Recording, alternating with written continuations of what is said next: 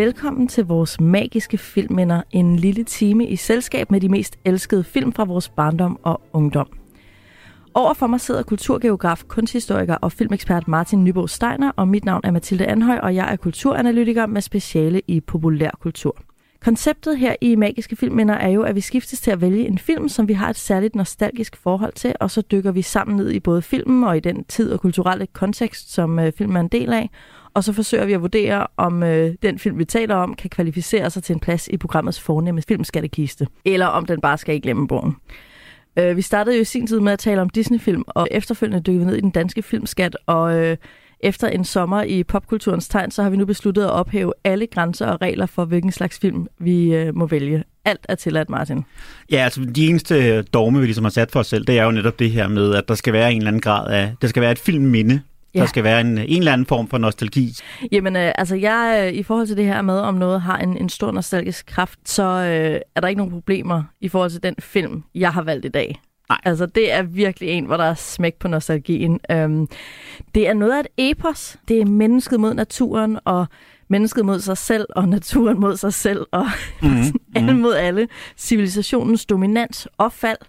Det er elgammel fortidshistorie, og vanvittige fremtidsforestillinger. Og så er det jo også øh, elgammel filmteknik mod det på det her tidspunkt allernyeste og allermest moderne. Ikke? Det er sådan en vanvittig blanding af fortid og fremtid, den her film, og, og af visioner og illusioner.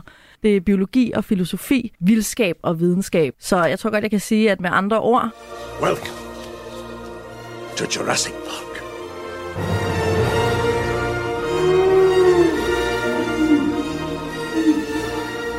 Så kan vi simpelthen godt spænde sikkerhedsselen og øh, køre direkte ind i Jurassic Park, mm. Martin. Ja, ja, de store porte åbner sig, og vi er klar til at... Øh... Det er 30 år siden, at Spielberg ændrede, i hvert fald min verden, øh, med de her, den her dino-film. Altså, jeg er ikke kommet videre. Jeg synes stadigvæk, at Jurassic Park er den bedste dino-film i verden. Mm-hmm. Altså, det er jo, jeg vil sige, det er jo en af de allerbedste Hollywood actionfilm overhovedet. Altså jeg synes, det ja. er meget... Øh, en ting, der gør, at den her film fungerer så godt, det er, at man har virkelig kombineret både nogle godt afprøvede tricks, og øh, der hvor de passede bedst til, og så har man brugt sådan sin øh, state-of-the-art computerteknologi der hvor, øh, der, hvor det var allerbedst. Og det, jeg, jeg synes stadig, at det kommer vi nok til at snakke lidt mere om, når man ser den i dag. Det er imponerende så godt, det fungerer og så flot det er, og, det, og for mig ser det først og fremmest resultat er netop, at de simpelthen har truffet de rigtige valg ja. om, hvor det er, de skal bruge den her nye teknologi, og hvor de ikke skal bruge den. Jamen, jeg er helt enig. Altså, jeg vil jo betragte, betragte det her som en, en perfekt film. Altså, der, der er meget, meget, meget få film lavet inden for den her sådan Hollywood-skabelon, hvor der bare, altså, der er ingenting af betydning, som skulle laves om. Altså, den er, Nej. alt, alt fungerer, det visuelle fungerer, historien fungerer, det er spændende, det er sjovt, det er musikken romantisk, fungerer. musikken fungerer. Øhm, Skuespillet, karaktertyperne, og det symbolikken er, fungerer. Og man kan sige, Spielberg, han, det vilde med hans karriere er jo, hvor mange perfekte film han har lavet. Han har også lavet nogle dårlige, og han har lavet nogle gode. Hvad er hans dårlige? Hvad er Spielbergs dårlige? Han kan godt forfalde lidt til sådan nostalgi, hvad hedder sådan, sentimentalitet, sentimentalitet sådan øh, i, for eksempel i Warhorse, kommer jeg lige til at tænke på, så, der er altså nogle stykker undervejs, mm. øh, som ikke er, sådan, er helt op at ringe. Og så er der en masse, der er rigtig gode, og så rammer han altså bare fuldstændig midt i skiven flere gange i sin karriere. Altså Dødenskab, E.T., Jurassic Park, ja. hører alle sammen til, til blandt de aller, aller bedste film, mainstream film, der nogensinde er blevet lavet. Øhm, og, og altså, man, ja, man må bare tage hatten af for, hvor god han er til at gøre det, han gør. Ikke? Jo, helt sikkert. Jeg Måske er han den bedste nogensinde til at gøre det, som han og alle andre sådan action mainstream instruktører Ja, nu vender James Cameron sig i sin, ikke i sin grav, i sin seng. ja, ja. Ah, men jeg, jeg, vil vinde, jeg vil vælge Spielberg over Cameron øh, hver dag i ugen, ikke? selvom der også er nogle gode James Cameron. Terminator 2, Titanic. Ja, ja. Nej. De er også gode. De er mm. også gode. Men, jeg synes ikke, Avatar var så god. Nej. Nå, men det er ikke det, vi skal tale om i dag. Nej. Jurassic Park, den er jo fra 1993. Jeg har jo kun været 8 år, da den kom. Men, øh, og jeg måtte ikke komme ind og se den biografen, fordi den var for uhyggelig. Men alle andre var inde og se den, mm. og det var bare det her, sådan, du ved, jeg glædede mig bare så meget til at bestå nok til at måtte se den her øh, mm. film, som bare virkede så vanvittig. Mm. Altså, jeg har været 12, og jeg var, øh, jeg var faktisk inde og se den biografen sammen med min storsøster. Øh, men jeg har været, altså jeg var altid også lidt bange af mig som barn, øh, og, og bestemt ikke god til sådan uhyggelige ting. Så det, jeg var meget, meget... Jeg ville så gerne se Jurassic Park, havde glædet mig i så lang tid, og især efter, at den ligesom var kommet ud, og det var noget, alle så, så havde Og jeg... alle talte om Og den. alle talte om, ikke? Så jeg havde glædet mig så meget til det, men jeg var også rigtig bange. Og derfor gjorde jeg så noget, som jeg aldrig har gjort, hverken før eller siden. Nemlig, jeg gik ned i den lokale boghandel, og så købte jeg ikke den roman, som øh, bogen er, filmet, er baseret på, Michael af Michael Crichton. Men, øh, men romanificeringen af manuskriptet, det er jo noget, man tit gør med de her store Hollywood-film, så udgiver man en, øh, en sådan forkortet udgave af, Ah. af, af bogen, hvor der kun nærmest er de ting med, som er med i filmen. Ja. Som jeg så købte og, øh, og speedlæste på en eftermiddag, så jeg ligesom vidste, hvor de uhyggelige ting kom, og vidste, hvem der sådan klarede sig og ikke klarede sig, så var jeg sådan mentalt klar til at... Det er sjovt, det virker på dig. Jeg er mere sådan bange for effekter end handling. Der, der jeg tror jeg i hvert fald bildt mig ind, at jeg ligesom kunne nok godt kunne forestille mig ud fra at have læst den her historie, hvor de kom, så jeg vidste, hvornår jeg ligesom skulle lukke øjnene. Ja, det giver mening. Øh. Øhm, det der så øh, er ved Jurassic Park, det er, for mig har det virkelig startet dino-fascinationen, men det er jo ikke tilfældet sådan generelt. Altså, der har været dino-fascination, og sådan dinosaurusinteressen har været, altså den er elgammel, lige fra man fandt de første fossiler, og Jurassic Park kom over også fem år efter landet for længe siden, mm. som jo også startede en vis, øh, du ved, sengetøj, madkasser, legetøj med, med dinosaurer, ikke?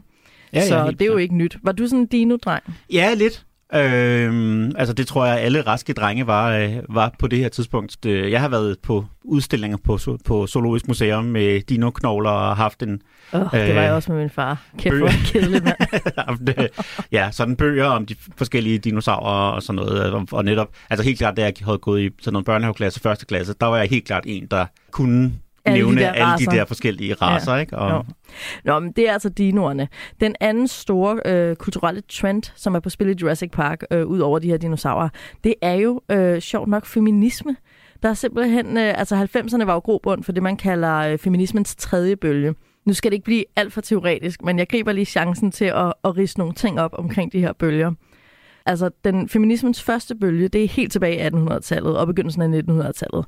Og det er altså det her med, at kvinder skal have stemmeret, og at de gerne må arbejde, og de ikke behøver at være sådan isoleret i øh, bag hjemmets fire vægge og passe børn og føde børn og sådan noget. Ikke? Kvindens plads er i køkkenet. Det er den første bølge. Anden bølge, det er 1960'erne og alt den her fokus på, ikke så meget på juridiske rettigheder, men øh, et meget større fokus på, hvordan kvinder blev behandlet øh, mere sådan socialt, øh, deres sociale plads og status, både på arbejdspladsen og i hjemmet og i offentligheden hos lægen og i film og tv, øh, blandt andet med fokus på den her vanvittige overseksualisering af kvinder, som nærmest er fuldstændig ukritiseret frem til 60'erne og 70'erne. Også hvis du går en tur på kunstmuseer. Mm. Du kan godt nok se nogle bare bryster på Louvre, hvis du vil det, ikke? Og så er der selvfølgelig også de konkrete ting med, at kvinder fik meget mindre i løn, og øh, alle de her forventninger, der var til kvinders udseende. Øhm, sådan så det pludselig blev en protest, det her med ikke at gå med makeup eller ikke at gå med BH, eller sådan bare generelt flatterende modetøj. Og det er altså 60'erne og 70'ernes anden bølge, der driver alt det frem. Men det, vi har i Jurassic Park, det er altså 90'ernes tredje bølge af feminisme.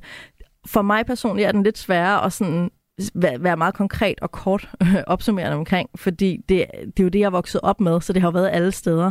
Men der er i hvert fald den her øh, kvindernes individualisme. Øhm, man har det jo både, de to største ting er måske Spice Girls og Sex and the City, hvor vi har det her med mange forskellige typer kvinder, som alle sammen er stærke kvinder. Altså vi kan i Spice Girls har vi både Baby Spice og Scary Spice og Sporty Spice og Posh Spice, og de er alle sammen girl power piger. Og i Sex and the City har vi den konservative Charlotte York, der er sådan lidt fin prinsesseagtig, og den, den næsten queer-agtige Miranda med kort hår og jakkesæt. Og Carrie, der er sådan sexet feminin Samantha, der er ekstremt seksuelt frigjort, men også meget seksualiserende omkring sig selv. Ikke? Og det er ligesom det, der er 90'ernes pointe. Alt er tilladt. Der er ikke noget, der udelukker hinanden. Altså kvinder kan både være super traditionelt feminine, og så have alle mulige øh, traditionelt maskuline værdier, uden at det ændrer noget. Og det er en kæmpe ting i Jurassic Park. Udover at der eksplicit flere gange bliver formuleret øh, små feministiske dogmer i løbet af filmen. Øhm, hvad de er, det tænker jeg, vi kommer tilbage til. Men, Men det er jo i hvert fald rigtigt, at man kan sige, der er jo kun to kvindelige karakterer, udover alle de kvindelige dinosaurer selvfølgelig. Ja. Øhm, men de er jo begge to netop absolut meget stærke karakterer, og nogen, der spiller en helt afgørende rolle i at få, øh, få mysteriet løst, ikke? Eller præcis, få, ja. få problemerne løst her. Ikke? Og, der- og der bliver ligesom der bliver leget rigtig meget med de her sådan, kvinder i nød troper, som jo kommer fra øh, de der både gyserfilm og også de her sådan jungle-monsterfilm. Øh, der bliver eksplicit refereret King Kong på et tidspunkt i, i filmen og sådan noget. Ikke? Altså, der bliver virkelig leget med de her forestillinger om, hvad det er for nogle roller, kvinder kan spille inden for rammerne af den her type fortælling. Ikke? Det kan være, at vi lige skal starte med et lille resume.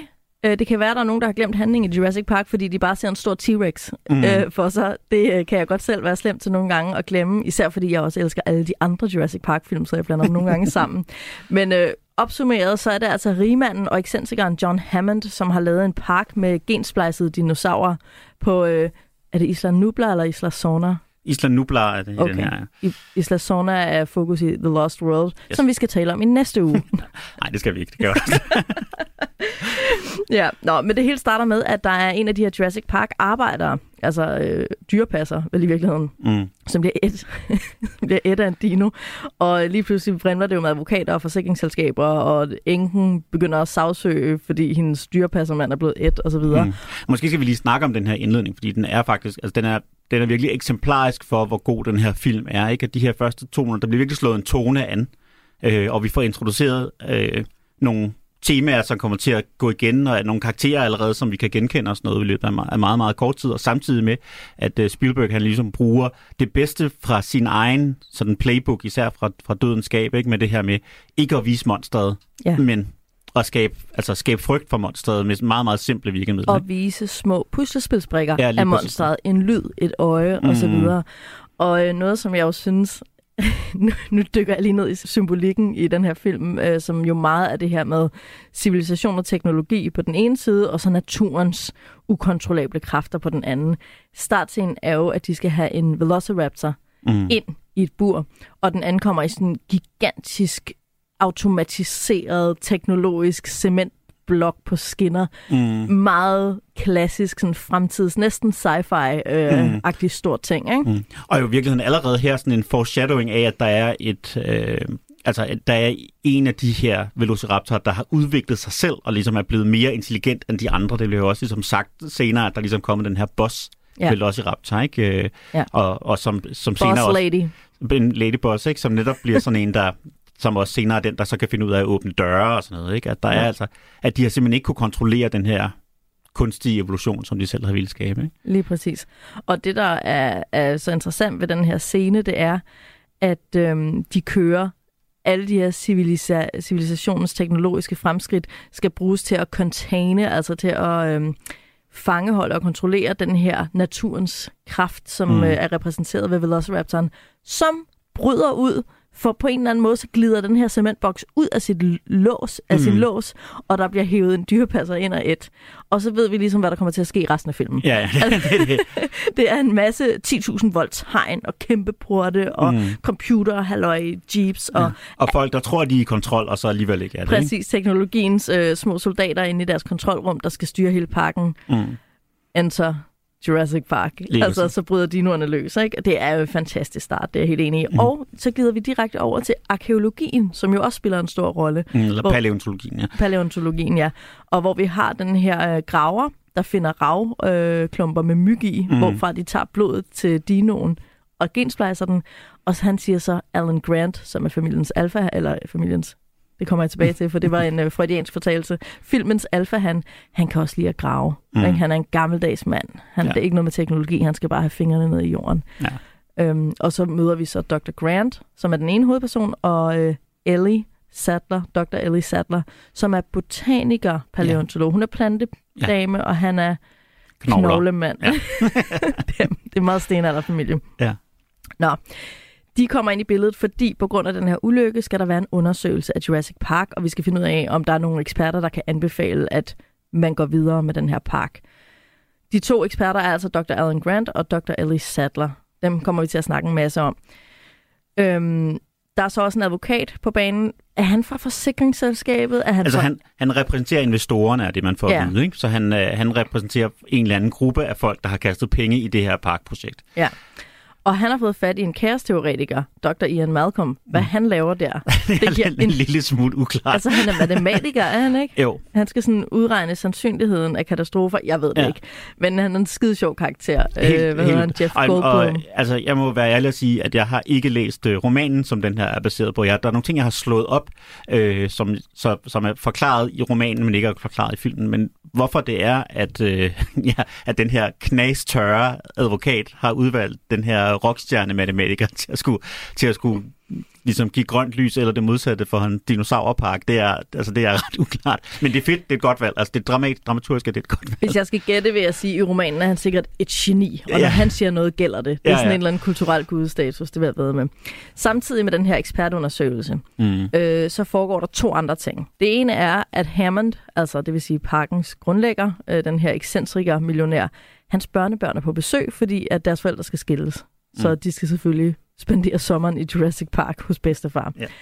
Den anden ting er, at der er sådan et eller andet industrispionageplot, hvor en af parkens øh, ansatte, sådan en hacker-type, Dennis Nedry, han er blevet bestukket. Han får ikke særlig meget løn, føler han selv. Mm. Og så har han taget imod en masse penge for at hente nogle af de her dinofoster ud og smule dem ud af parken, ud fra øen, og til et eller andet firma, der også vil lave en Jurassic Park mm. på en eller anden ø. Mm. Øhm, og på grund af de her ting, altså det her med Dennis Nedry, der han får alle sikkerhedstingene til at Ja, for at, ned. Ligesom så for dække for, at han kan komme bryde ind i uh, laboratoriet og stjæle alle de her fostre her, så, så laver han sådan en, en fake sikkerhedsopdatering af, af hele systemet øh, hvor han så sådan ligesom selv kan, hvor, hvor sikkerhedskameraerne så ikke virker. Mm, det problematiske ved det, det er, at han så samtidig lukker for eksempel for, øh, for strømmen til, til T-Rex indhegningen. Det er så ikke så smart. Det er så ikke så smart, nej. Det, der så samtidig sker, er, fordi det kommenterer de også helt eksplicit, selv Dennis, som åbenbart er meget, altså både snot dum, men også meget risikovillig, han, selv han har ikke lukket for hegnene til Velociraptorne. Nej. Men det gør stormen, for lige pludselig kommer der altså bare en trope, en mm. rigtig tropisk storm ind over øen. Og så ryger strømmen, og telefonerne, og jeepsene, og alting, også det Dennis ikke har slukket for. Mm. Så nu vil Velociraptoren altså også på fri fod. Der er ikke noget sikkerhed tilbage i parken. Naturens kaos hersker, øh, og alle løber forvildet rundt.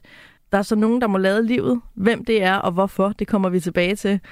Øhm, men nogle af dem, som vi møder i filmen, ud over dem, vi har nævnt, det er øh, blandt andet Samuel L. Jackson. Ja, som jo på det her tidspunkt var ret ukendt. Ikke fuldstændig ny som skuespiller, men i hvert fald ikke sådan en verdensstjerne.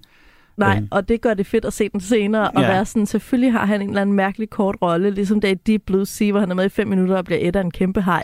Hvad er det med den mand og hans sådan dødsdrift, når han vælger roller? kæmpe store dyr. han vil bare gerne ædes i sin film. Det er simpelthen så mærkeligt. Øhm, en anden karakter, der også er interessant, det er, hvad skal man sige, lidt også en naturmand, fordi der er de her to grupperinger mellem de teknologiglade og de mere, øh, dem, der har mere ærefrygt for naturens kræfter. Mm. Og den ene er sådan en Crocodile Dundee... Øh... Ja, altså vi får at vide, at han er øh, ligesom sådan dyre, vildt... Øh, Storvildsjæger. Stor, ja, ikke storvildsjæger, men faktisk sådan den ansvarlige for, for øh, sådan den safari-park, som Hammond har i Afrika. Så det er ligesom ham, der har været sådan, ligesom stået for at bygge den her safari-park op, og nu er han så ført over, fordi han ligesom er ekspert til at håndtere store og farlige dyr på en eller anden måde. Lige præcis. Han er nemlig en rigtig klassisk alfa-han. Mm. Han, han, er, han er den, der tør gå ud og møde løven på savannen. Ikke? Mm. Og han har øh, det klassiske safari-outfit på. Ja. det er meget, meget, meget tydeligt, hvilken type han skal være. Mm. Det, der er så interessant ved ham, er, at han virkelig har den her ærefrygt. Når de andre sidder og snakker om computer og lønninger og sådan noget, mm. så siger han så, hold kæft, de nærmer sig T-Rex-hegnet. Ja. Og det her med Velociraptorerne er han også hele tiden, han taler om dem netop som dyr, ikke? Ja. Nu er de ude at jage. Det er ikke noget med, om de er onde eller gode eller tjene penge. Mm. Han er manden på savannen med geværet, ikke? Jo.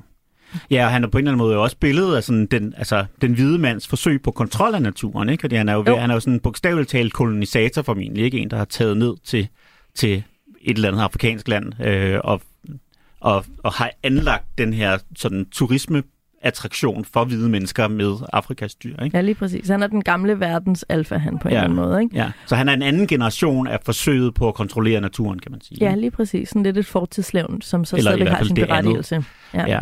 Han har også, nu ikke fordi jeg vil afbryde dig, men jeg synes bare, det var meget sjovt at tænke. Han er jo også et eksempel på øh, en af de ting, som jeg synes, jeg lægger mærke til mere, når jeg ser den her film som voksen, nemlig det sådan meget interessante valg af øh, aksanger eller dialekter, som er i den her film.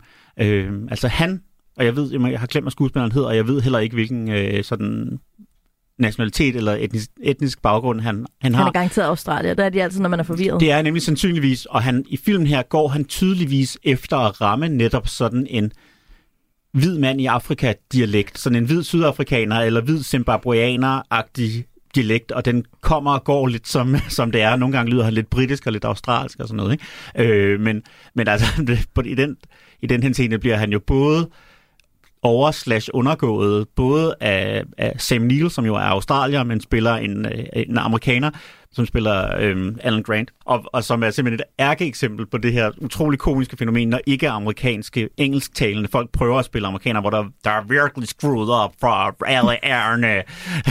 altså, han, er, han prøver virkelig sit bedste for at lyde så amerikansk som overhovedet muligt. Ikke? Ja, og han skal jo også være ærke-amerikansk. Han er jo klædt i red, white and blue, hvis du ikke har lagt mærke til det. Ja, ja. Det er skønt. Ja, og så har vi jo så også øh, Richard Attenborough, som jo er måske teknisk set, hvis nok fra Skotland, men jo i hvert fald hans normale dialekt er altså sådan... John Hammond. John Hammond. Overklasse britisk. Han er jo bror til David Attenborough og har selvfølgelig den samme dialekt, som, som han har, det her meget, meget smukke overklasse engelske. Øh, men som her i filmen har fået at vide, i hvert fald i de første par scener, at han er skotte. Så det vil sige, at han har også en skotsk accent, som, som øh, er meget, meget tydelig første gang, man ser ham, og så bliver det ligesom sværere og sværere undervejs i filmen, og jeg tror måske lidt, han har glemt, hvordan at han var skotte. Han bliver reddet med af handlingen. Ja. Det er lidt ligesom, når, når Ross Geller i Venner skal prøve at udfase sin britiske accent, han, uden at vide hvorfor, pludselig har påtaget sig. Ja, lige præcis. Og det, altså, det lagde man jo overhovedet ikke mærke til som barn, men jeg synes, når man ser det nu her, er det sådan ret komisk, at de her, at, at Ja, og det tyd, altså tydeligvis jo heller ikke har været noget, Spielberg har interesseret sig synderligt meget for, og jeg går ud fra, at det er noget, der kommer fra bogen. Altså, der er jo ikke nogen grund til i filmen, at han ikke bare kunne være fra England. Jo, fordi John Hammonds vigtigste karakteristika er, at han er uskyldig på ja. et eller andet plan. Altså han laver nogle fejl, men han render rundt, det er jo også fordi, han render rundt i hvidt tøj. Og Skotland, det er jo det mest uskyldige land. Ja. Altså bare sådan bagbundet, og så skal jeg ikke være vulgær i radioen, ja. men af England. Altså Skotland er det ultimative offer, uden at være blevet besudlet. Altså, der har bevaret sin ære på ja. en eller anden måde, og det er John Hammond. Ja, ja. Jamen, det er rigtigt. Han, han bliver slået. Han er en slagen mand. Øh, han er Skotland, mm. men han har sin mm. uskyld i behold i sit hvide mm. tøj. Der er selvfølgelig også den her, den her historie om, at han fortæller, at han som barn tog ned til London og, øh, og tjente sine første penge på at have et, øh, et loppecirkus. Det må så have været i øh, 1904? Eller ja, det har været der omkring 1904, hvor man lavede loppecirkus. ja, men, men øh, det, skal, det er ingen grund til at bekymre sig for meget over. Men, øh, men han startede i hvert fald sin, øh, sin business der.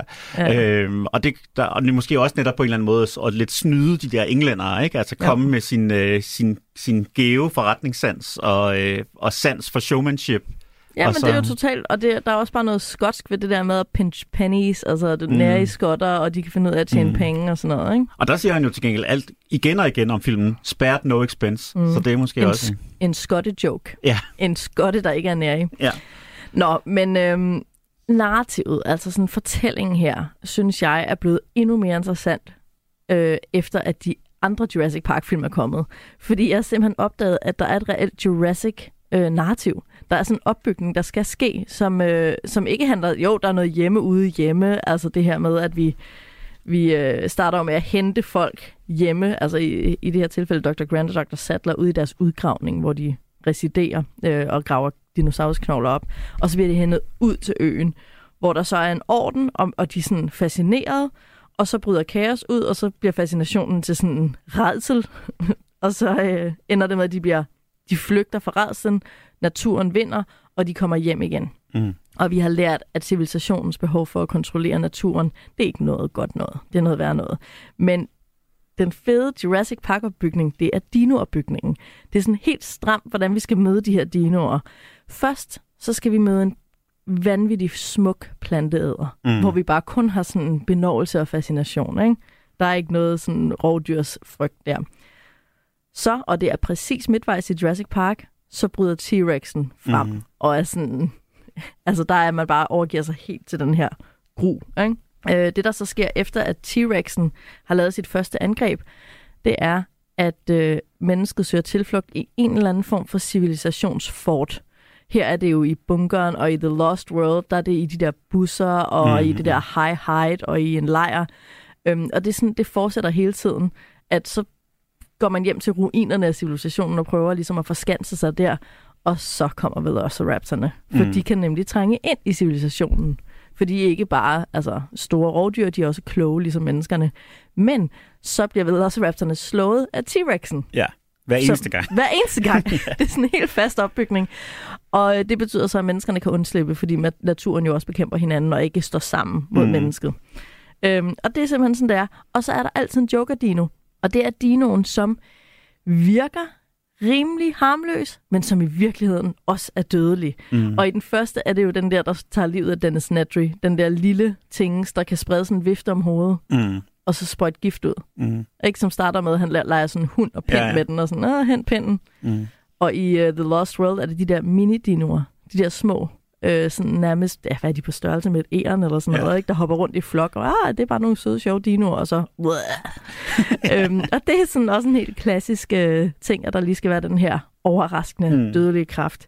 Jeg elsker dino-narrativet. Ja. Jeg synes, det er skønt, de holder sig til det i den ene efter den anden film. ja, der er ikke sikker på, at jeg er helt enig. Jeg tror, jeg vil nok nærmere sige, at det er et meget godt, altså en meget god forklaring. Jeg synes, det er godt gennemgået af dig, at det er en rigtig god forklaring på, hvorfor jeg synes, alle de andre Jurassic-film overhovedet ikke fungerer. Fordi at alt det, der er godt i dem, det er ren kopi fra den oprindelige, og alle de nye idéer, de har fået, er dårlige. Jeg vil så sige, ja, fordi nu siger du nye idéer. Der er nemlig også et andet vigtigt element, og det er, at øh, genetikken er stukket af og har muteret, og det Mm. ser vi i den første film. Men ret, føler jeg, realistisk øh, alfa velociraptor, Mm. der er blevet klog at åbne døre, mens man i den sidste, i den sidste Jurassic Park film, nu har jeg ikke set Dominion endnu, mm. det Mm. kommer, det, det skal jeg lige have gjort.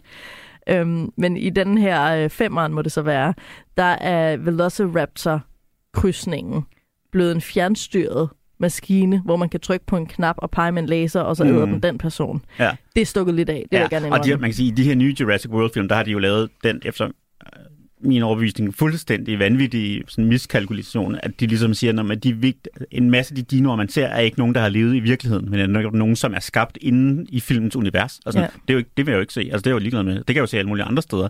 Det, jeg vil se her, det er rigtige dinoer. Sådan, som, hvordan ville det være, hvis der pludselig var en Ja. T-Rex midt nede i en by? Ikke? Altså, det vil jeg gerne se. Jeg, jeg kan slet ikke forstå, at de har truffet, truffet den beslutning med at lave sådan nogle nye, sådan nogle fake Men der er du nok en ortodox dino-dreng. Ja. ja. måske. Ja. Den her med den her lille hedder den Aplofosaurus, eller hvad den nu hedder, den her øhm, drageagtige ting, der dræber et Nedry og kaster de her ud. At det er sådan, det er et sindssygt godt eksempel på, hvor godt den her films manuskript er.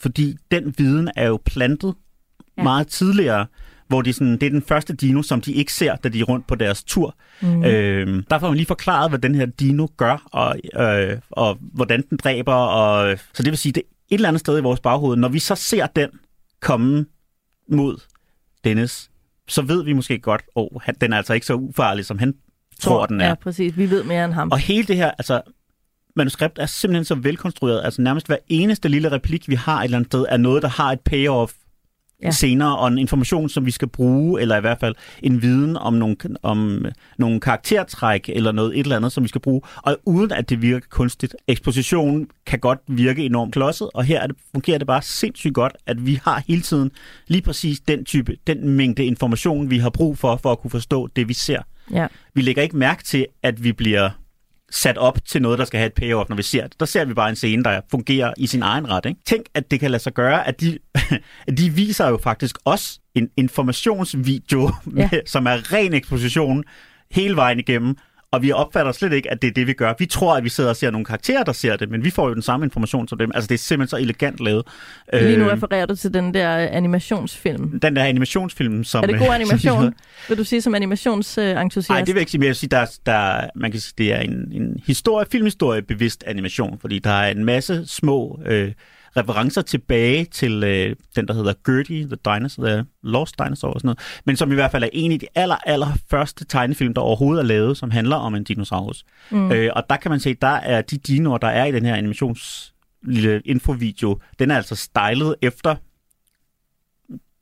øh, dinosaurerne, som de så ud i.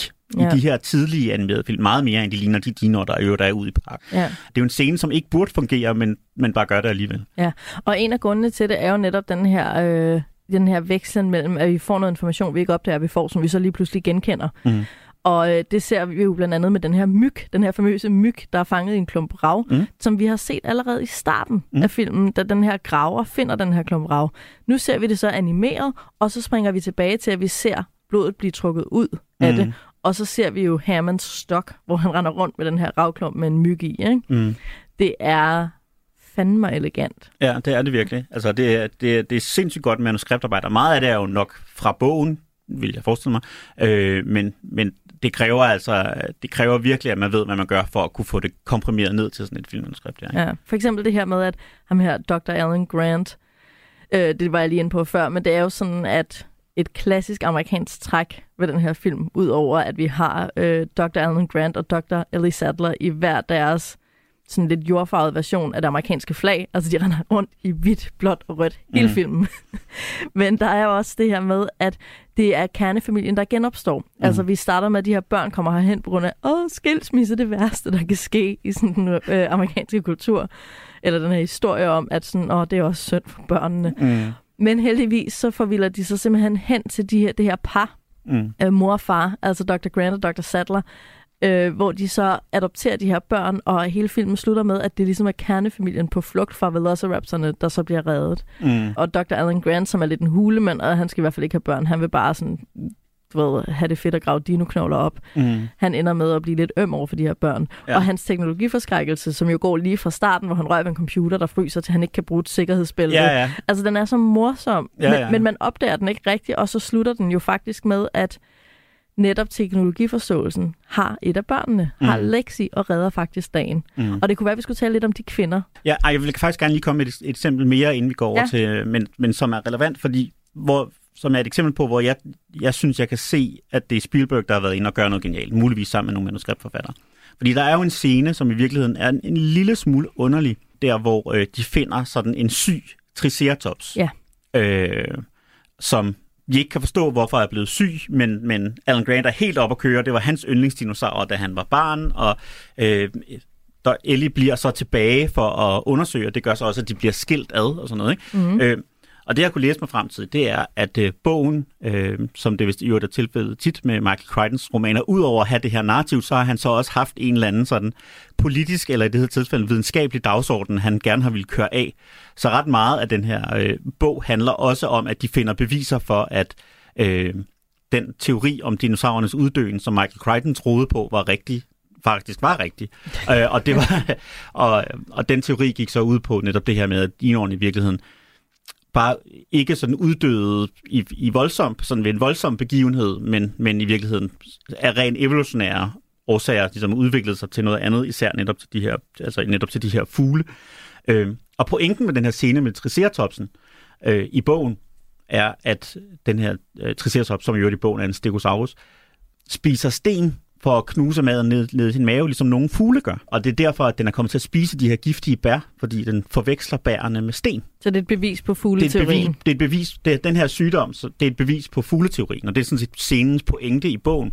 Ja, det kommer godt nok ikke frem og det, i filmen, var. Og, og det er jo fuldstændig ligegyldigt. Det er jo ligegyldigt i forhold til filmens narrativ, men Spielberg har alligevel været der sige, at vi har den med, fordi det er en sindssygt god anledning til at vise øh, Alan Grants sådan menneskelighed og barnlige begejstring over for de her dinosaurer. Han er ikke bare sådan en en sur gammel mand, men han er også en, der virkelig elsker de her ja. for, den her forskning af de her dyr, og har gjort det siden, at de var barn. De bliver brugt som en anledning til ligesom at, at give sådan Ellie en, en mulighed for at være den, sådan, den dygtige videnskabsmand. Vi får etableret ja. hendes kompetencer. Vi får skilt personerne ad, så vi også kan have sådan et, en genforeningsnarrativ og sådan noget. Ikke? Altså scenen bliver brugt til alle mulige andre ting, end det den egentlig var i, i ja. bogen. Ikke? Og det, det, er jo, det, er jo, det er jo Spielberg, der har været inde. Ja, det er godt og lavet. set noget potentiale i den her scene, fravristet det, der egentlig måske har været dens funktion i, ja. i, i bogen. Ikke? Ja, fordi den har mange funktioner. Den beviser jo også kaosteorien, som jeg ja, nok ja. selv sidder og siger, så nu sidder jeg i bilen alene og snakker med mig selv. Det er kaosteori. Ja, det er morsomt.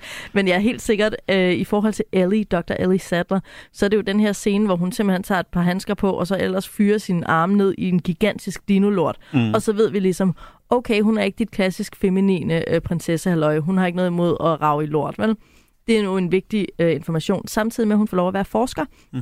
Og vi får at vide, at hun er meget grundig og ihærdig, og det samme kommer på spil, meget kort tid efter, da de mm. skal tilbage og lede efter børnene, som mm. jo ikke er kommet hjem, fordi de der eldrevne øh, jeeps, de ligesom er gået i stå, mm. mens den benzindrevne er kommet hjem. Mm. Så kører hun ud igen, og der går hun også rundt og undersøger, og hun finder både det ene og det andet. Hun finder bilen, hun finder Ian Malcolm, hun finder alle sporene. Ikke? Hun er en detektiv, ja, øh, og en ja. dygtig detektiv. Ikke? Mm. Og øh, på det her tidspunkt, der har øh, dinoerne allerede fået deres første offer. Og noget, som er interessant øh, i forhold til det, hvis vi, må, må vi gerne bare gå over i feminisme ja, nu? Skal vi bare åbne dørene til det kan vi godt. The Jurassic Feminist Park? Vi får nogle clues. Det ene er, at øh, vi allerede under den her rundtursvideo, der får vi at vide, at øh, Henry, og et lille sidespring til nogle raceproblematikker, to ikke-hvide mennesker med, en asiatisk superhjerne, mm. og øh, så øh, Samuel L. Jackson, som er sådan en, en storrygende, krumrykket, sådan tynd, ranglet, usund. Og han er sådan administrator på en lidt uklar måde, ikke? Ja. Altså, han er ikke IT-fyren, det er jo Nej. Dennis Nedry, han er ja. ikke, men altså sådan, ja. Til synligheden, så bliver hele parken drevet kun af de to, de to, de to mennesker, ikke? I hvert fald i weekenden. Det er ja. weekenden. Ja. Men, men, men det, den det eneste her... weekend, de nogensinde har haft gæster, kan man sige. Ja, det er selvfølgelig rigtigt, ja. Det er lidt mærkeligt. Men han er den her sådan lidt snavsede type, ikke? Mm. Øh, men det vender jeg tilbage til. Øh, den asiatiske forsker, ham her Henry, han står og forklarer om genetikken og alt det her, og det er jo en asiatisk stereotyp, altså at de tit bliver fremstillet, asiater bliver fremstillet som, som flittige og dygtige og øh, overciviliseret, mm. ved jeg ikke, om er det rigtige Lidt ord. følelseskolde. Okay, følelseskolde og, og sådan meget hjerner på ben, ikke? Mm. Øhm, som vi også ser her. Det han så forklarer os, det er, at øh, de her dyr kan altså ikke, de kan ikke, hvad hedder det, reproducere. Altså, de kan ikke selv få børn ude i parken, fordi de har kontrolleret generne. There's no unauthorized breeding in Jurassic Park. How do you know they can't breed? Well, because all the animals in Jurassic Park are female. Så vi får simpelthen at vide på det her tidspunkt, at hver eneste dyr i den her park, det er et hundkøn. Mm. Det er jo interessant, eftersom at øh, alle, der bliver spist i den her film, er af hankøn. Mm. Så vi har simpelthen en totalt kønnet opdeling mellem øh, overfaldsmænd og ofre, hvor alle overfalds, ja, mænd siger så, overfaldspersonerne, de er simpelthen kvinder. Og det kommer jo, bliver jo igen gjort klart, helt øh, eksplicit, når Ian Malcolm sidder i den her bil, og de glor ud på de her dinoer, og så sidder Ian Malcolm og filosoferer lidt omkring den her situation, de befinder sig i.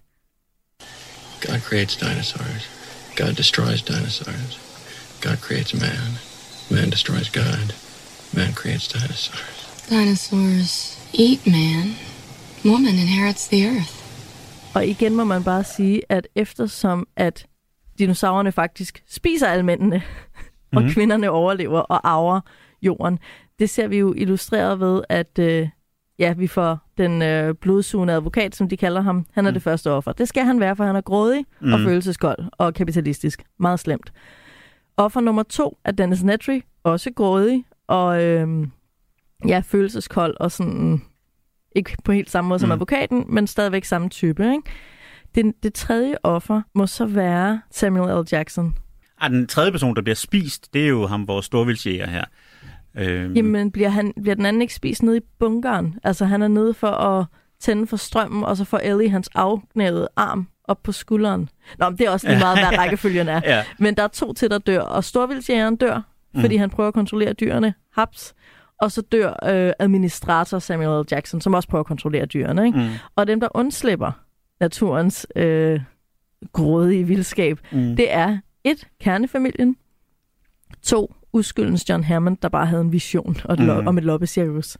Det er ligesom det, der er... Øh, mm. Og så Ian Malcolm, som var etikeren. Ja.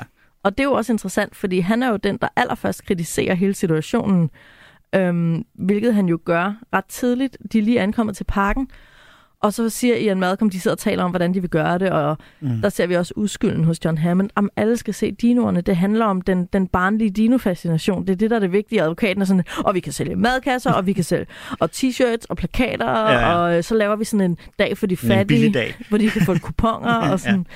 Og Ian Malcolm øh, tager nemlig øh, den etiske stemme her øh, under den her frokost. I'll tell you the problem with the scientific power that you're, that you're using here. Uh, it didn't require any discipline to attain it. You stood on the shoulders of geniuses uh, to accomplish something as fast as you could. Your scientists were so preoccupied with whether or not they could, they didn't stop to think if they should. Vigtig pointe, ikke? Mm. Øh, han ligesom kritiserer, jamen, hvad, hvad har I lavet her? Burde I have lavet det? Mm. Ja, I kunne. Men altså det, han sammenligner det også på et tidspunkt med, I er ligesom et barn, der har fundet sin fars pistol. Mm. Altså, hvad i alverden har I gang i, har slet ikke overvejet konsekvenserne. Og det, han ender jo med at få ret, og derfor skal han også overleve, mm. fordi han har den rigtige kritik, ikke? Ja. Altså, hvis der var nogen, der havde fortjent også måske at dø, så er det jo netop manden med parken, ham selv, øh, Hammond, altså John ikke? Hammond. Og, øh, og han... Øh, det, det, er ligesom, alt, det hele er ligesom hans skyld Men på en han eller anden måde. elsker jo dinoerne. Og han elsker sine børnebørn. Altså det er vel også, man kan sige, de her børnebørn bliver utroligt traumatiseret af den her film. Det er måske rigtig fair nok, at deres bedstefar ikke også dør, ikke? Ja. Øhm, og så er Men- det jo så også, men så er det jo så selvfølgelig også sådan, at the 1%, der også overlever, det gør de jo på en eller anden måde også altid, ikke? Ja. Den, sådan, den øverste overklasse, de bliver aldrig rigtig påvirket af det, der sker nede under, under dem. Nej, for så køber de ikke billetter i biografen. men, men jeg tror da også, det er en vigtig pointe, at John Hammond virkelig elsker de her dinoer. mm, Så selvom det, der er den feministiske pointe, det er jo, at det er jo en masse mænd. Altså, det er en forskermand, det er en mandehacker, det er John Hammond, det er en drømmemand med sine visioner. Det er en masse mænd, der har fængslet en masse øh, hundkønsdinoer. Og det bliver det her billede på, hvordan mænd har den her... Altså, mænds forhold til dinoer er har mange fællestræk med mænds forhold til kvinder gennem historien.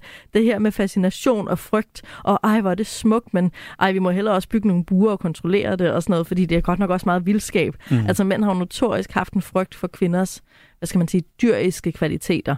Altså både moderskab og forførerisk kraft. Alt den her, alt den urkraft, der er i kvinden, mm, fascinerer og, og øh, frygtes mm, lige meget. Ikke? Og reaktionen fra mandesamfundet, fra patriarkatet er, lad os bygge nogle 10 volts hegn og holde dem der. ja, Og så sker der selvfølgelig det, og det er der, hvor den her film bliver feministisk.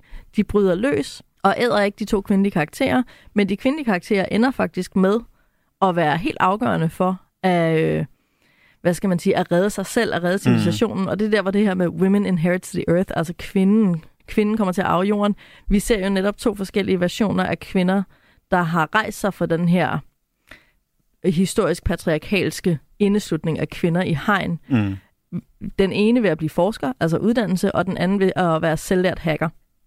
Det vil sige to veje ud af den her isolation bag øh, hjemmets firevægs Tivoltshegn. mm. Det synes jeg er, det er et feministisk storværk, Martin. Mm, mm. Og så kan filmen jo så alligevel ikke sådan helt dyser for også at have sådan den helt heteronormative slutning, hvor, øh, hvor Sadler og Grant sidder der i helikopteren og kigger på hinanden og ligesom siger, okay, vi, skal vi kan godt børn. få børn, ikke? Ja. Præcis. Og det er der, hvor vi også ser den der meget øh, klassiske 90'er tredje bølge feminisme med, at, at der er den her øh, traditionelle feminine, altså det må gerne være med sammen med det andet. Man må gerne stå med hænderne i lort og være en, en sej forsker og stadigvæk ønske sig børn. Mm. Øh, samtidig med, at vi også har Lexi, der har sådan en lille crush på Alan Grant, og sådan, han griber hende, da han falder, og så ja. tvinger hun ham sådan til at gå og holde sig i hånden. Mm. Altså, vi har de her komiske, ja, vi er stadigvæk kvinder, og ja, vi er stadigvæk genier, og ja, vi er stadigvæk sådan sygt modige og sådan noget. Mm. Jeg synes, Lexi er sådan en interessant karakter at dykke ned i, fordi at hun jo først og fremmest er kendetegnet ved sine traumer, ikke? Altså, med sin, det, altså ud over hendes sådan, computer skills, som bliver om noget er det en lille smule klodset sådan placeret og set, hun kan bare lige se, sidde ved sin computer, og, og hun er bare, jeg er faktisk hacker, siger hun på et tidspunkt, mm. og når hun så kommer til, så, kan, så er hun åbenbart sådan magiker med computeren, og kan bare på to minutter sådan løse ja. alle problemer med computeren, ikke? Jo. Øh, ved, hvad, som hun siger, øh, det der, det er et Unix-system. Det kan jeg godt finde ud af. Altså, og det er jo, jeg, jeg er ikke bestemt en computerekspert, men altså Unix var jo et styresystem. Altså, det vil svare til, du havde sagt, det er en Windows, det kan jeg godt finde ud af. altså, det er sådan, Og så åbnede så minestryger. åbnede, åbnede minestryger, og så var alt bare, der var der ingen problemer. Men, øh, men, altså, det, men, men, men hun er, jeg synes, hun er en interessant karakter, også måske fordi, jeg synes, hendes traume også bliver sådan viftet lidt væk på et eller andet tidspunkt. Ikke? Altså, hun er ligesom, hun finder den her faderfigur i, øh, i Alan Grant, som som erstatning for sin nu fraskilte far og mm. et eller andet. Og advokaten, der advokaten som, som forleder hende. Ikke? Men altså, hun, det, det er jo nogle voldsomme oplevelser, hun, øh, hun har igennem filmen, og det, altså, det kommer til at koste nogle timer på psykologbænken. Det der. Og det er også derfor, at det er måske en lille smule upassende, at øh, Alan Grant laver den der Elheim-joke med hende på et tidspunkt. Nå ja. Der, hvor han sådan lader som Ja. om, at han er, har fået 10.000 volt igennem sig. Især fordi, at lillebroren jo så bagefter får det. ja, lige præcis. er meget voldsom humor. Ja. Men humor er traumehelende, Martin. Jamen, så jeg tror, rigtigt. jeg tror, det er det, der er må forsøgt ud der. Det er også interessant det her med, der er jo en scene med Velociraptorne i køkkenet, hvor hele det her med kvinden, kvindens plads er i, i køkkenet, mm. bliver bare virkelig komisk, når der er en hundvelociraptor, der løber rundt for at æde børnene mm. ude i køkkenet. Ja. Det er meget komisk. Vi har sikkert ikke så meget tid tilbage. Nej. Øhm, jeg kunne godt tænke mig, at vi nåede at snakke en lille smule om det visuelle, det teknologiske, Ja. effekterne. Altså, Ja. fordi det var jo også en stor en del af, af markedsføringen dengang, og hele fortællingen omkring det her, okay, det her, det er virkelig noget, som vi aldrig har set før, og det her, det er øh, fotorealistisk på en måde, som vi ikke er vant til. Vi, du, altså det der øh, sloganet fra Superman-filmen fra 80'erne, ikke? You will believe a man can fly, ikke? Her var det virkelig, du kommer til at tro på, at de her dinosaurer er ægte, ikke? Jo. Og det gjorde man jo. Ja. Og jeg synes stadigvæk, at det fungerer rigtig godt. Selvfølgelig Ja. er der noget, nogle steder, hvor det hakker en lille smule, men det fungerer Hvad er, sindssygt din, godt. hvad er din yndlingsdino-øjeblik? Hmm. Jamen, jeg synes, altså... Og det er jo så noget af det, der ikke er computeranimeret, men, men det der kæmpe T-Rex-hoved, der kommer ned til... Altså, det er så uhyggeligt. Der Ned kommer ned til ned mod bilen. Er det ikke animeret? Nej, det er, det er en animatronic øh, ansigt, det er jeg, jeg helt tror sikker måske på. ikke, jeg skældner mellem animeret og animatronic. Ja, altså, det, det har været en dukke jo. Altså, det har simpelthen været en, et No. dukkeansigt, som man har kunne fjernstyre øjenvælg og sådan noget. Okay, Øhm, jeg forstår. Ja. Tak. og men, men så måske med nogle computereffekter lagt ind over ganske få steder for ligesom at give huden et eller det, det, det, det er jeg så ikke, øhm, ikke helt styr på. Men, men, og det er jo det, der fungerer rigtig godt i den her film, det er, at de faktisk har kombineret netop animatronics, altså robotter, med deciderede sådan håndstyrede dukker og stop motion, og så netop computeranimation, og brugt hver af de her filmsprog der, hvor det gav bedst mening.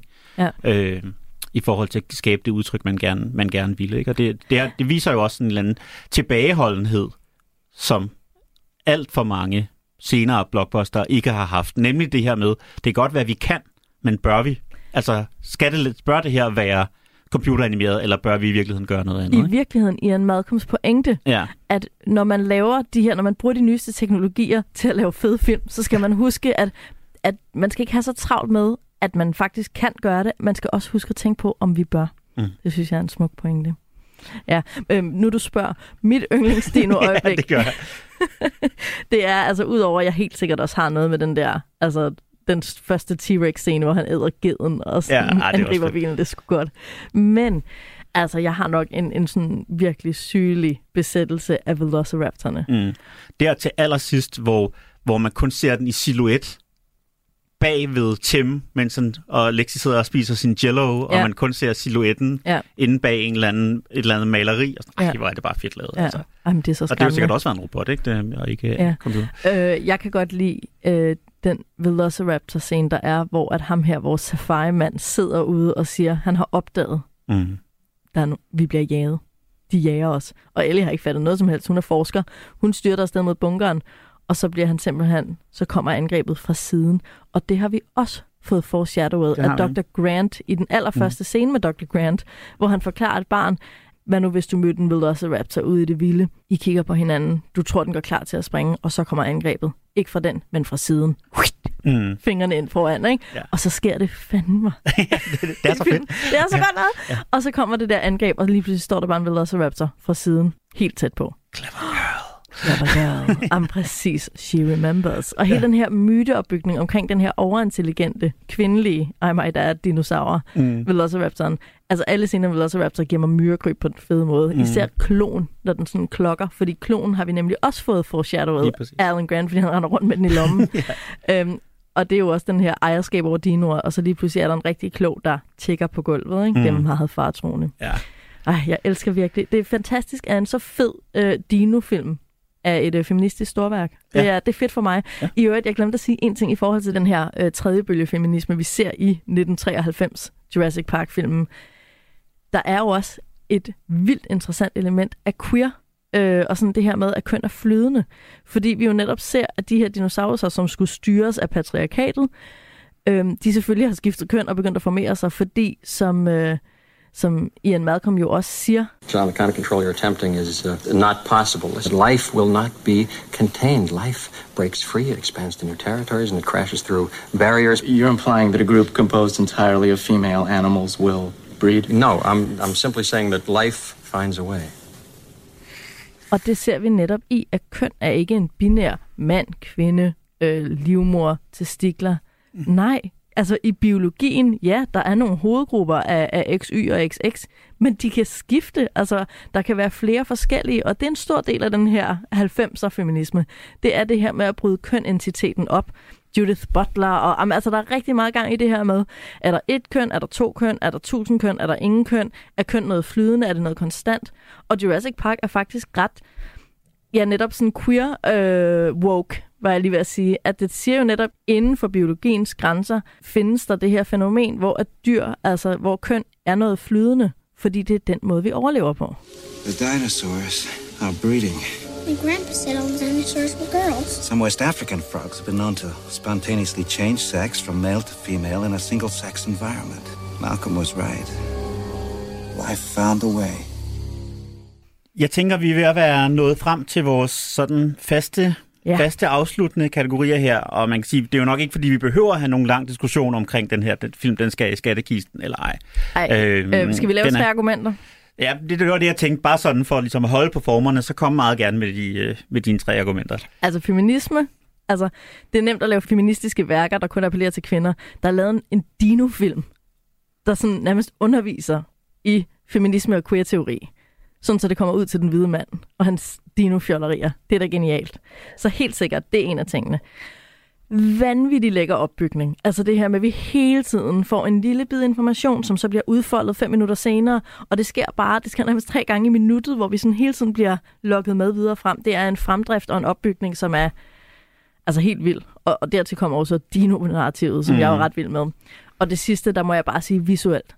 Altså, jeg voksede op med Katla-dragen i Brødrene Løvehjerte, ja. og den synes jeg var uhyggelig. Ja. Jeg er, altså jeg bøjer mig i støvet for, hvor vanvittigt flot Jurassic Park er. Det er helt vildt. Altså, det, er, øh, det er imponerende, når godt man ser den, og god spændingsopbygning, ikke? så ser man den her Brachiosaurus, sådan, der vil alligevel... Ja, det er langhalsen. Langhalsen, ikke? Vi her, der er vel 20-25 minutter inde i filmen, inden vi får den at se for alvor, ikke? og så går der lidt tid, inden vi ser T-Rexen, og går lidt mere tid, inden vi får set Velociraptoren mm. og sådan noget. Så der er hele tiden sådan noget at glæde sig til. Ikke? Ja, ja, og vi starter med at se knogler, billeder, så ja. ser vi et øje, en klo. Altså, det er bare det er mm. fantastisk. Og også, altså, altså, det siger et eller andet, jeg sad og så den sammen med min kone her øh, for et par dage siden, som optag til programmet her, og hvor hun sagde, nu er jeg ved at være lidt træt af dino-action, og det var så bogstaveligt talt to sekunder inden filmen sluttede, fordi det var, altså, det var, lige, det var simpelthen lige inden T-Rexen går ned og griber den her den Velociraptor. Så det var simpelthen, altså, man når ikke at blive træt af det, selvom der, filmen er jo ikke lang, den var de der to timer og et kvarter eller sådan noget, ikke? Mm. og den kender sin besøgelsestid virkelig. Ikke?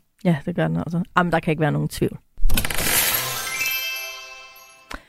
Øh, I forhold til tidstegn og sådan noget, vi ser jo gamle film her i programmet, der vil altid være et eller andet, der virker sjovt. Jeg vil sige, når vi har en film, der handler om moderne teknologi og alt det, den kan, og man så ser de der store, fede, lysegrå computere fra ja. 90'erne. ja, og, og hvor Lexi på det tidspunkt siger sådan, det er en interaktiv CD-ROM. ja, præcis. Og sådan, det hedder en touchscreen, en idiot. ja. og hun er helt fascineret at man kan røre ved skærmen. Og det, og det er sådan en tyk glasskærm. Ja. Ding, ding, ding. Jamen, det er skønt. At, den er jo, at filmen er jo også baseret på sin, sin tids opfattelse af dinosaurer. Der kan man sige, at hele den her diskussion om uddøen teorien, der er jo sket noget siden 1993, og vi, når der er nogle ret gode, solide data bag den der meteorteori, som lidt bliver afvist i, øh, Gud, er der i det? filmen. Øh, og, og man kan sige, i dag ved vi jo også blandt andet det her med, at mange dinoerne har været fjerede, netop som et, som Fjerde? Altså Nå, har fjer. fjer på, ja. Øh, og det vil man jo have haft med i designet, også på det tidspunkt. Der, der, dengang var det en teori, og så en, man valgte fra, fordi man synes, den var, de, de ikke så lige så seje ud med fjer. Ikke? Which is øh, true. Hvilket muligvis er, er rigtigt, men der tror jeg, at hvis man skulle lave Jurassic Park forfra nu, så vil man jo være nødt til på en eller anden måde at anerkende den ja. nye viden om dinoer, der også er kommet med. Der tror jeg, at det bliver meget tydeligt, at min interesse for dinoer starter og slutter med Jurassic Park. ja. Jeg anede ikke noget om det der. Øhm, vi skal til at slutte af, øh, og i næste uge er det jo din tur til at vælge, Martin. Så jeg går ud fra, at vi skal se noget tegnefilm. Det har du faktisk vurderet helt korrekt, det skal vi. Og jeg har valgt at snyde en lille bitte smule på vægtskålen her, og ikke taget en film, som jeg har nostalgi omkring, men en mm. film, som jeg vil ønske, jeg havde nostalgi for. Altså en film, jeg vil ønske, jeg havde set, da jeg var barn. Det er en tegnefilm, som udkom i 1988, men som jeg altså først har set som voksen, men som øh, jeg altså, jeg tror, jeg havde haft bedre liv, hvis den her film havde været en del af mit, øh, af mit liv, da jeg var barn, og jeg håber selv, at mine børn bliver sådan nogle børn, der ser den her type film. Er det Flintstones? Det er ikke Flintstones, nej. Vi skal se øh, Hayao Miyazakis øh, mesterværk fra 1988, Min nabo Totoro, som øh, er... Ja, har du set den nogensinde? Det kan være, du har set den sammen med din, øh, Nej, din søn. nej, jeg har ikke engang hørt om den. Nej. Så, øhm, det, er, det er en fremragende, fremragende lille japansk tegneseriefortælling. Øhm, så den, øh, den burde alle også i vores generation have nostalgi for, men vi blev desværre berøvet øh, for den, fordi den ikke kom op i danske biografer i, i sin tid. Men øh, det er jo ingen øh, forhindring i, at vi i dag kan vise den til vores egne børn og sørge for, at de får nostalgi for den fremadrettet. ja, ligger den på Netflix, eller hvad? Det gør den nemlig lige præcis, ja. Sådan, jamen det er jo bare japansk animation fra 80'erne. Simpelthen. Hvad kunne være mere mainstream? Lige præcis. Ja, ja, jamen det vil jeg da glæde mig til. Det bliver godt. Så er der jo kun tilbage at sige uh, tak for i dag, og tak til Jurassic Park. Uh, tak for alle dinoerne og for en vanvittig god film.